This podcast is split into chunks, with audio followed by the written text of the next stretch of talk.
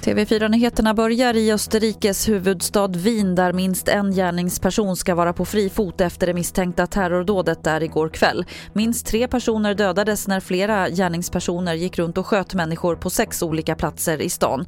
Och idag uppmanas de som bor i Wien att hålla sig borta från de centrala delarna. Gränskontrollerna har stärkts och skolbarn kommer inte behöva gå till skolan idag. Sent igår kväll blev en person skjuten i Beckomberga i västra Stockholm. Polisen fick larmet strax efter klockan 23 och när de kom till platsen hittade de en skadad man och han ska enligt polisen vara livshotande skadad. Det utreds som försök till mord men ingen misstänkt har gripits. Och vi avslutar i USA som ju går till val idag. Nära 100 miljoner amerikaner har redan röstat och i fyra delstater är det redan fler som röstat om man jämför med valet för fyra år sedan.